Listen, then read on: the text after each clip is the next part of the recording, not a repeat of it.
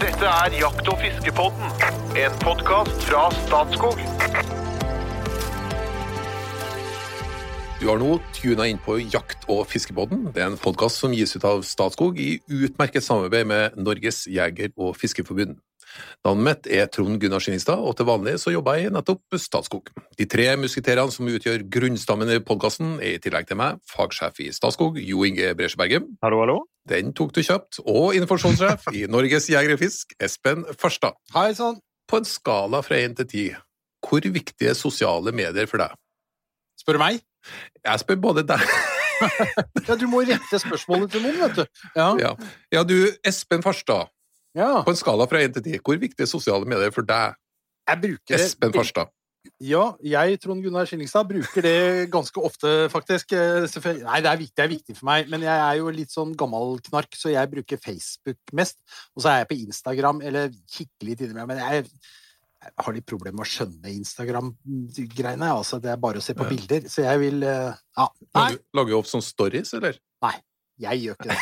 Nei. Jeg gjør ikke det. Og nå gleder jeg meg. Hvor stor del av livet ditt er sosiale medier? Jo Inge Bresjeberget. Uh, jeg har ikke helt knekt koden, jeg må innrømme det. Det er uh, ingenting. Det er faktisk i, den Nei, jeg, er jo ikke på noen sosiale medier, som jeg veit om. Jeg har ikke blitt lurt inn i noen ting heller. Du prøver jo så godt du kan, men uh, Ja. eh, Nei. Så det, jeg har ikke helt knekt koden, jeg må innrømme det. Men jeg vet Så ikke for meg litt. Ja, Du litt når kona holder på.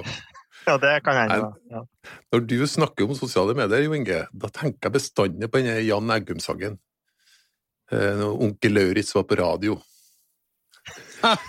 Det er noen som drømmer seg tilbake til de gode, gamle helter. Ja, men var, vi fikk jo brev i postkassa i gamle dager. Det var ganske greit det òg. Det gikk jo helt fint. Vente på posten, Ja, ja, ja. brev i postkassa, så var du ferdig med det. Men I dag har vi rett og slett med oss en eh, gjest til, eh, som slår oss fullstendig ned i støvlene på alt når det gjelder sosiale medier. Hun har blitt et Instagram-fenomen. Dagens gjest er Jeanette Brudeseth Persås. Hjertelig velkommen. Tusen takk. Du takka ja helt uten betenkningstid. Ja, jeg gjorde det. ja, det gjorde jeg. Og, hva tenkte du når du fikk spørsmålet? Visste du, du om jakt- og fiskebåten fra før? Ja, jeg har hørt masse på denne podden. Og så begynte jeg å tenke først sånn som kan være typisk jentete å tenke at ja, men jeg er ikke god nok, jeg har ikke nok erfaring eller kunnskap til å delta i en podkast og snakke om dette. Og jeg hadde lyst til å spørre deg ja, hvordan blir podden, hva skal vi snakke om, og ville ha svar på alt før jeg takka ja. Så tenkte jeg nei, nå er det nok, skjerp deg. Og i stedet skrev jeg bare ja, jeg er med. Punktum. Ja, du imponerte meg, og, og faktisk så forventa jeg egentlig litt flere spørsmål om hva som skulle skje, og sånn, og så kom ikke det. Nei, Så det er Jeg var tøft. nei, dette vil jeg ta på sparket og hoppe i det og ikke forberedt meg. Snakke fra hjertet. Ja, det er skikkelig bra. Nei, her er ikke noe fast opplegg, men det er klart at det er en liten vinkel her. I motsetning til oss, Ja, så uh, har du 25 000 følgere på Instagram, ja. og du fronter spesielt fiske. Og det er jo en vanvittig mengde folk. Eh, Er det Odda du kommer fra? ja. Hvor mange bor det i Odda? Eh, 8000, kanskje? Ja, åtte, så jeg må gange da, men det blir tre ganger så mange som bor i Odda, følger deg på Instagram. Det er, jo helt enormt. Men så har du også med en historie om medaljens bakside. Den skal vi komme litt tilbake til, det er en stalker-historie. Men først, hva var det som vekka lidenskapen din for eh, fiske? Det er jo sånn jeg eh, vokste opp med far som elsker fiske. Han var sjøl oppvokst eh, på en gård ved Raumaelva, og familien hans har bodd der i sju generasjoner og fiska laks. Eh, Så jeg har vært med han på fjellfiske og satt garn og masse turer i skog. Eh, Og så har jeg òg en stefar som elsker fiske, og litt mer båtfiske, da. Så har jeg fiska siden jeg var liten, men i tenårene så var det ballspill. Eh, fotball, volleyball og håndball. Eh, så jeg har skikkelig brent for. Jeg er konkurransemenneske og trodde ballspill var livet. Eh, Så kom det litt skader, og så må jeg alltid ha en hobby å drive på med. Så da jeg ikke kunne spille volleyball, så tok jeg opp fiskinga igjen. Og meg og venninne, vi var på turer. Og så når hun ikke kunne, så fiska jeg mer og mer alene. Og begynte å dele på Instagram. eh, Som gjorde at jeg kom i kontakt med noen av Norges beste havfiskere. Eh, Så spurte jeg sjøl om jeg kunne få komme til de ei helg i Bergen og fiske med de. Og det var første gang jeg prøvde skikkelig havfiske, dypvannsfiske, og ble helt betatt. Så det, start, det var sjøfiske som var den store starten her. Ja, det var det.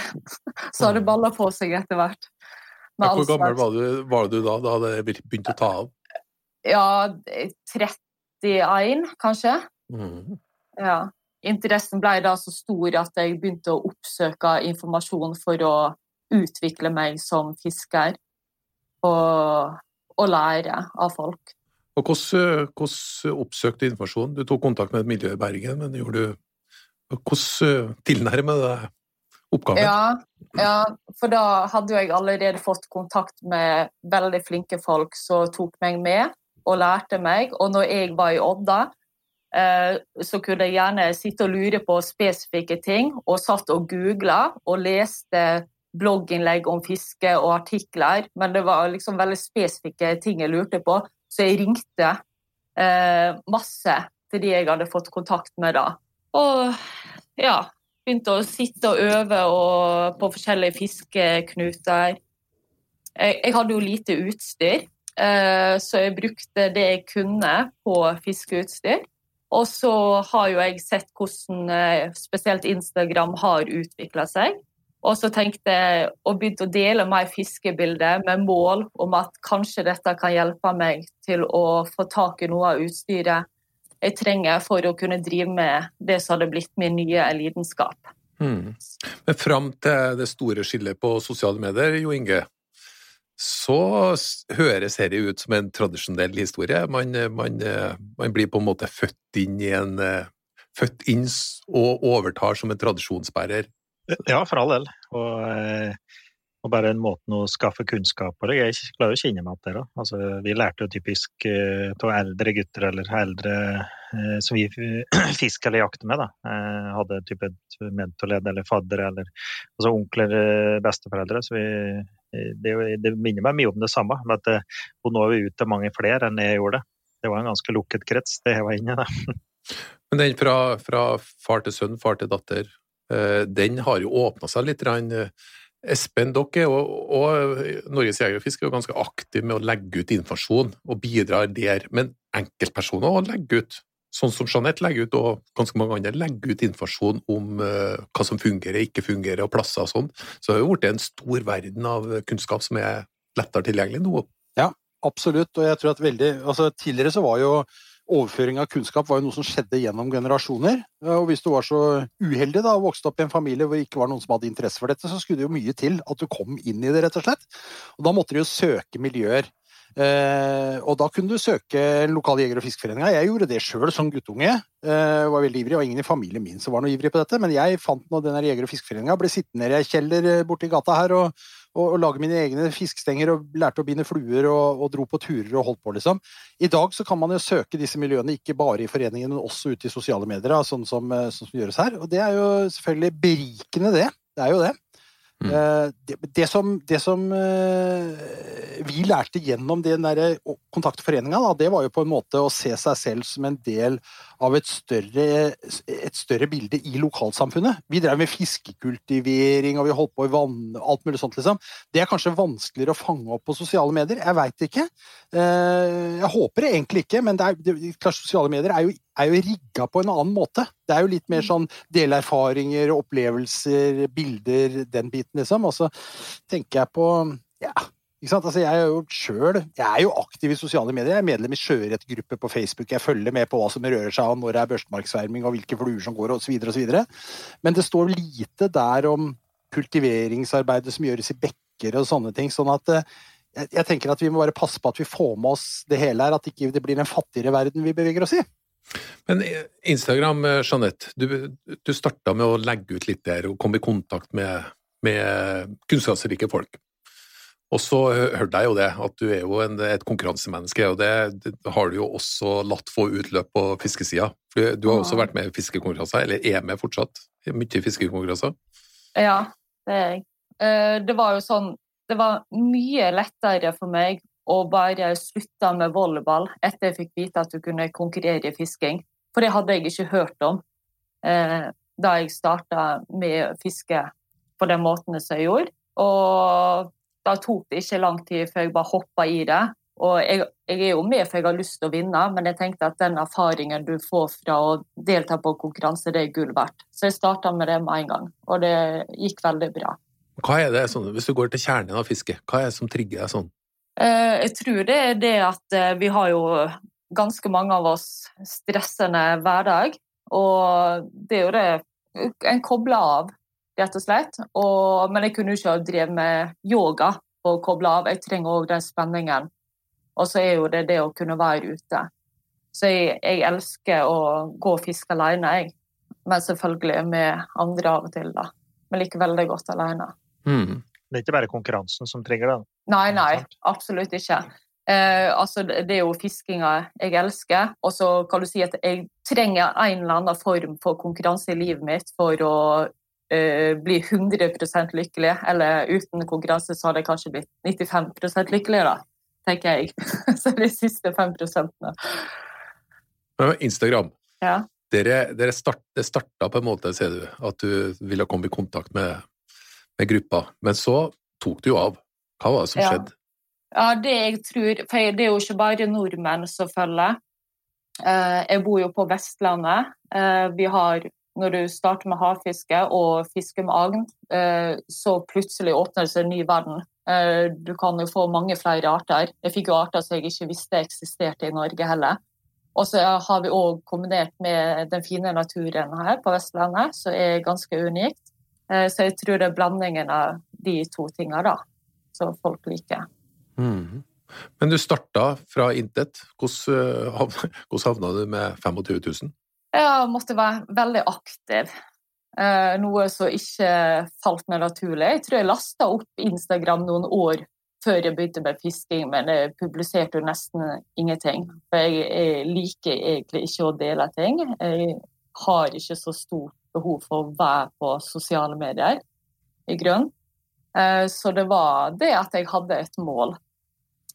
Og det var å eh, øke antallet og håpe på å kunne bli sponsa med noe utstyr, sånn jeg kunne drive med det jeg ønska. Så jeg har vært, eh, brukt, lagt mange, mange, mange timer på sosiale mm. medier. Men du kom til en fase der du gikk ut av Instagram. Ja. Hva var det som skjedde? Uh, ja, det begynte Jeg får jo veldig masse meldinger, og jeg er ikke noe flink på å svare. Men av og til så tenker jeg at uh, jeg bør ta meg tida, da. Og så svarte jeg eh, bl.a. han her fra USA. Og han hadde familie i Norge, så han pleide å besøke hvert år. Eh, så alt virka egentlig normalt, og han eh, ja, i hermetegn kaller seg en kunstner, da. Så han hadde lagd noe portrett av meg med fisk, og når han skulle til Norge, så hadde han lyst til å levere det til meg. Så, så, da ville jeg møte han ute en offentlig plass. Han her kjenner jeg ikke. Og jeg syns det var et rart møte. Han eh, var veldig nervøs og hadde problemer med å snakke. Og jeg bare syntes det var så ukomfortabelt at eh, jeg løy og sa at jeg måtte hjem. Og vi glemte de der flisene som han hadde lagd. Så ville han levere dette, men jeg hadde ikke lyst til å møte han igjen. Og så skulle han sette det ut forbi døra som da sønnen min henta. Og da var det svær sekk og papp, svær eske med masse gaver og bilder, malerier han hadde kjøpt, og kjærlighetsbrev og ganske mye. Skrev jo til han at jeg ville ikke ta imot dette. Og i tillegg så eh, Det bildet av oss han spurte om å få ta når vi møttes, det la han ut samme kveld på, som Insta, nei, profilbilde på Facebook og forsidebilde. Jeg ble jo fly forbanna og ba han fjerne det, og forklarte akkurat hvorfor dette ikke var greit. Og så bare balla ting på seg. Jeg fikk flere hentelapper i posten med pakke av han. Og ene henta jeg, for jeg trodde det var noe annet, og da var det masse flere kjærlighetsbrev og gaver som jeg igjen ikke ville ha. Og ja, det skjedde veldig masse i nesten et halvt år med ting fra han, da han prøvde å oppsøke oppmerks eller få oppmerksomheten min, da, for det ga jeg han ikke, uansett Mm. hva han sa og gjorde, og eller skrev på sin egen Facebook om meg. Så jeg tror veldig mange i Odda trodde faktisk at vi var i et forhold, sånn som han har lagt ut og sagt til folk. Eller, og han oppsøkte og kontakta mor med, og fiskeklubber og alt som jeg hadde en liten tilknytning til. Eh, Fikk seg samme merke på fiskecaps og utstyr og publiserte bilder av seg sjøl eh, som akkurat samme bilde som jeg har publisert på Facebook eh, på en fjelltur. Og det var liksom så masse for å få oppmerksomhet, men det, det fikk han ikke. Men jeg gikk og var fly forbanna hver eneste dag, for det var så masse eh, greier fra han. Så det var kanskje tre-fire personer i familien min som visste om det her, for jeg orka ikke å fortelle folk, før det en dag eh, toppa seg. Eh, da fikk jeg eh, telefon fra vennepar, og så spurte om jeg hadde fått med meg hva han nå hadde gjort. Og så sa jeg nei. Han publiserte jo ting eh, eller bilder som jeg hadde lagt ut på Instagram, som publiserte han jevnlig på sin egen profil og skrev eh, ting om meg. da. Og egentlig så trodde jeg i begynnelsen at dette var bare en eh, gutt som ville eh, at andre skulle tro at vi hadde et forhold. Eh, jeg hadde aldri tenkt at han var en stalker som faktisk kanskje i sitt eget hode trodde oppriktig at det kom til å bli oss en gang. I den telefonsamtalen jeg fikk, så fikk jeg vite at nå hadde han tatovert meg på armen med Jeanette Fishing skrevet under, og brukt navnet mitt og min nettside på sitt visittkort. Dette har han delt sjøl på sin egen Facebook-side. Så da endra alt seg i hodet mitt den dagen da jeg begynte å ta inn over meg alvoret i dette. da. Ja, Da- intensiteten er jo relativt sterk når du, når du eh, begynner å tatovere det. Ja, da frika jeg ut. Ja, hva skjedde da?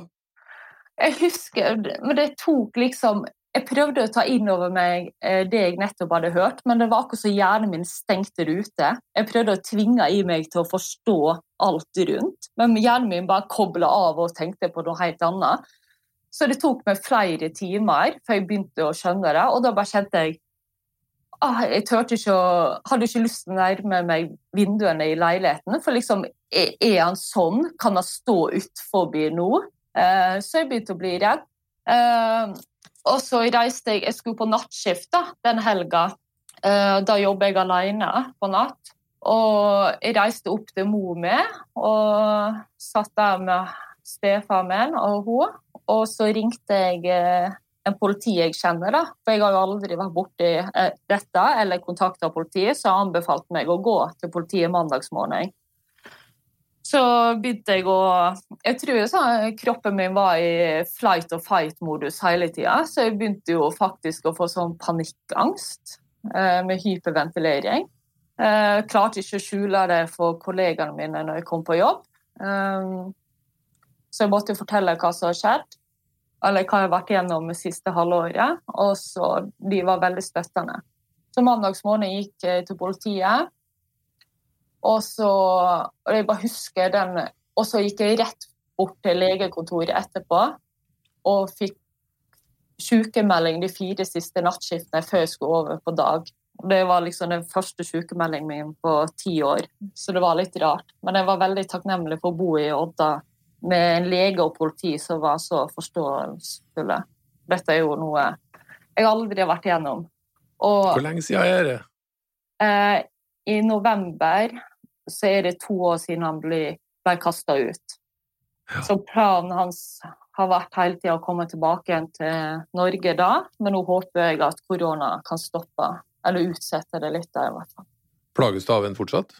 Eh, jeg tror det har gått tre måneder siden sist, men det har vært Ja. Han har hatt mye hat, da, retta mot Ja. meg. Men da gikk du ut av Instagram, gjorde du ikke? Du lukka kontoen eh, i en periode? Ja, det gjorde jeg. For jeg syns eh, For jeg har jo blokka han overalt. Han lagde nye profiler både på Facebook og Instagram. Av og til så søkte jeg opp og fant at han lagde ny, og blokka igjen. Og det var liksom det på grunn av han, men òg at du på en måte setter deg i litt sårbar situasjon når du deler. Jeg tror jeg var ganske uheldig, så fikk jeg stalker, så jeg tror sannsynligheten jeg får få en til eliten. Men det føltes så ubehagelig å dele ting. Og da jeg ikke hadde delt på to-tre måneder og la ut et bilde, så var det bare så eh, ekkelt at det, det, var liksom ikke verdt det for meg. Og fortsatt så var det jo nesten ingen som visste hva jeg hadde gått gjennom. Eh, og jeg har jo hadde jo forskjellige verv og samarbeidspartnere som jeg ikke har fortalt det til. Så mange trodde jo bare at nå er jeg ferdig med sosiale medier og fisking. Eh, så det, det var en av grunnene til at jeg valgte å skrive innlegget på Facebook der jeg fortalte hva jeg hadde vært gjennom siste året. Og fordi at han har gått og fortalt sin oppdikta versjon i ett år uten at jeg har eh, respondert på det. Og fordi at jeg vil advare andre. Mm. Men nå er du tilbake på Instagram, og det var jo der jeg fant deg, og du svarte heldigvis på meldinga som jeg sendte deg. Ja. På Instagram. Jeg har aldri sendt melding på Instagram før, eh, Espen, eh, men det Nei. går visst an der òg. Mm -hmm. Når du har 25 000 følgere, du fremmer fiske. Eh, ja. Er, det, er, det, en del av jobben din nå, eller? Ja, du kan si Ja, for jeg starta jo for ønsket om å få utstyr. Nå har jeg utstyr. Jeg pleier jeg, jeg vil eller du kan si De bildene du ser på Instagram, det er kanskje under 5% av fisketurene mine. For jeg har ikke lyst til at det skal bli sånn at når jeg går på fisketur, så er det et jag om å ta bilder for å publisere. For det for min del, det ødelegger fiskeopplevelsen, og så vil jeg ikke ha det.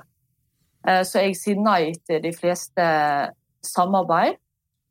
Eh, fordi at eh, ja, For meg så er fisking hellig, da. Og, så, og, dessuten så har jeg ikke lyst at eh, denne kontoen skal forsøples med masse reklame. Det, da er ikke tusen, noen tusenlapper her det er verdt det for min del. Og det tror jeg mm. egentlig at følgere setter litt pris på òg. Mm. For mange store kontoer blir sånn.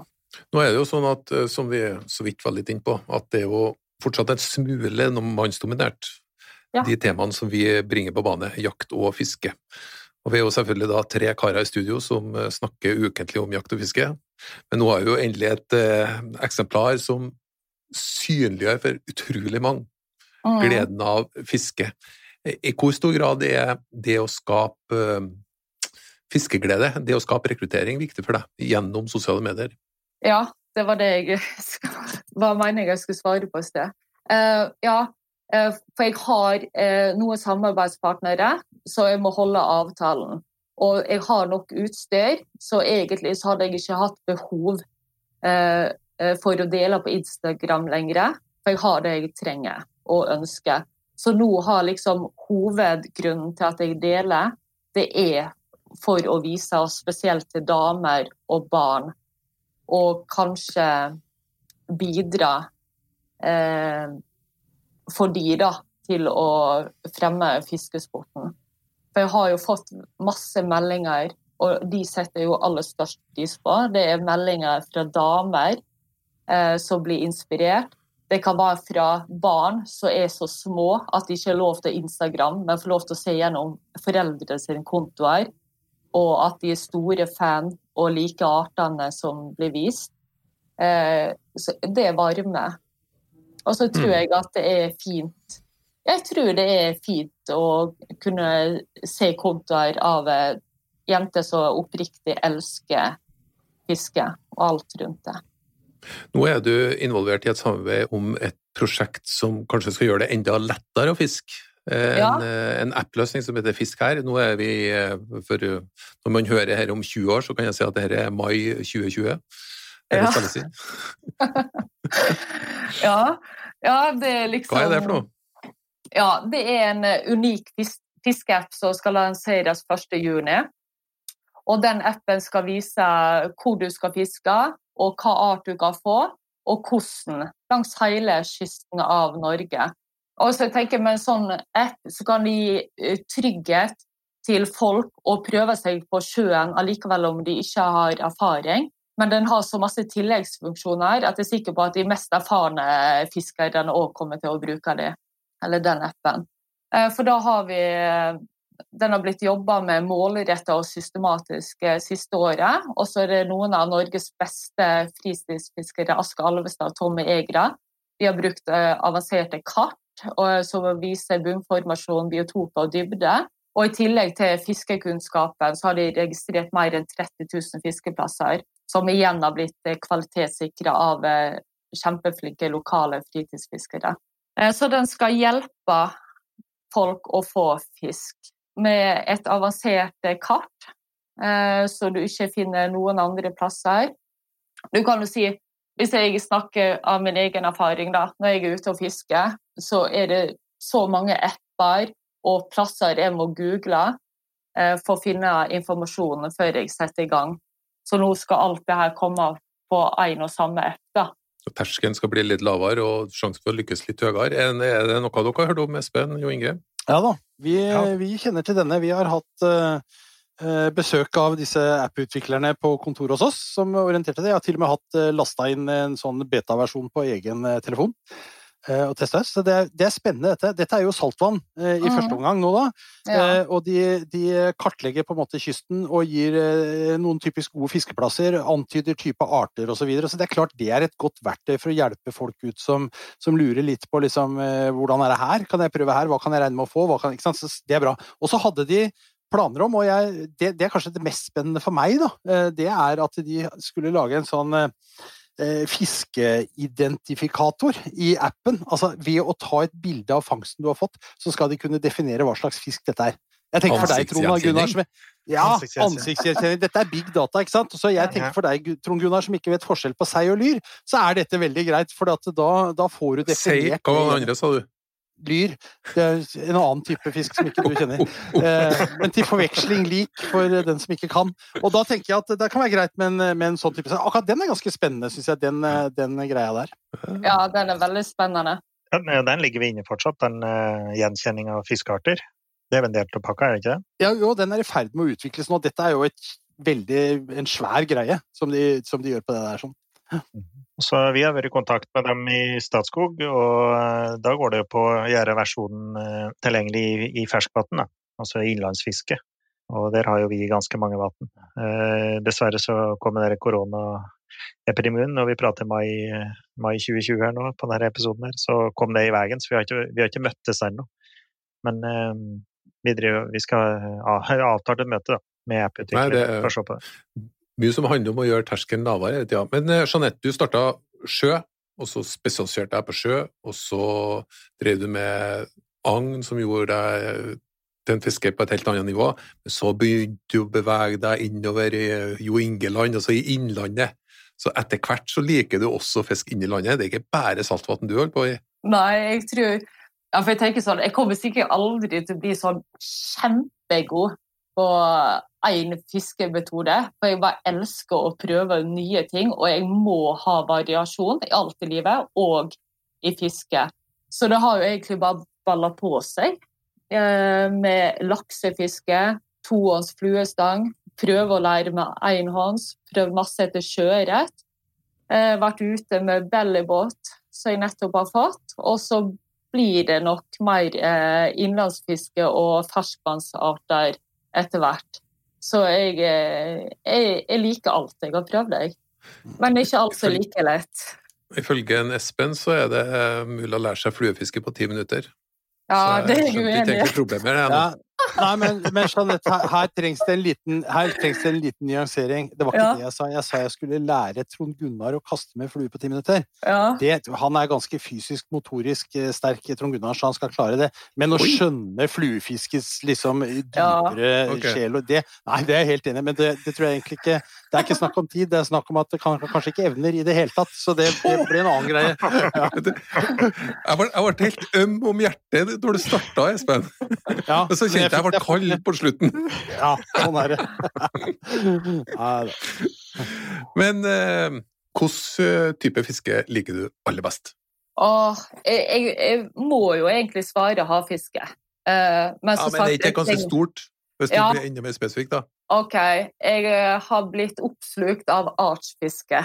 Men jeg har ikke sånn at jeg må ha fanga flest mulig arter. Det kommer arter eh, som jeg veldig har lyst å lære meg metoden å fiske, og kunne se de på noe annet enn bilde, og fange det sjøl, rett og slett. Og bruke kunnskap som eh, andre artsfiskere har tilegnet seg, og klarer det sjøl. Men hvis du går inn i artsfiske, eh, så liker jeg å fiske store fisk, djupt, og at det er tungt, og du må jobbe hardt. Da syns jeg belønninga er best. Og ikke bare at jeg sitter i en båt og blir fortalt 'fisk her, sånn og sånn, bruk dette', men prøve sjøl. Bruke kart og finne plassen sjøl. Det gir meg mest glede. Det er å ta runden. Jo Inge, Mm. hvilken fiske liker du aller, aller best? Eh, ja, det var et bra spørsmål. Eh, akkurat nå, i den situasjonen der nå, så tror jeg faktisk det er dorging. Dorge ferskvannsfisk, faktisk. Så man kan ta med unga, sitte i båten og putle rundt. Og få det som eventuelt måtte bite på kroken. På alle mulige arter. Akkurat nå. Ja. Espen?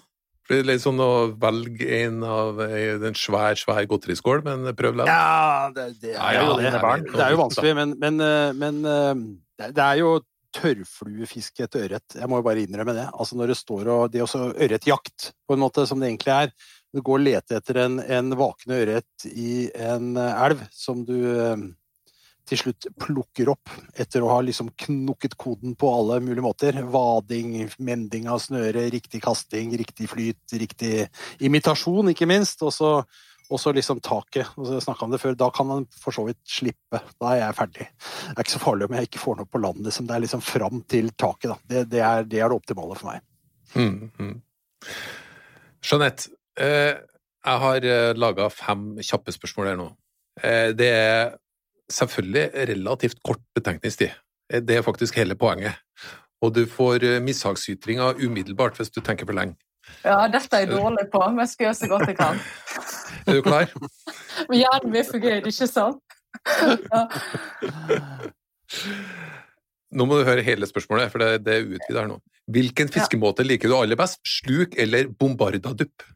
Fire, tre, Ja, sluk. to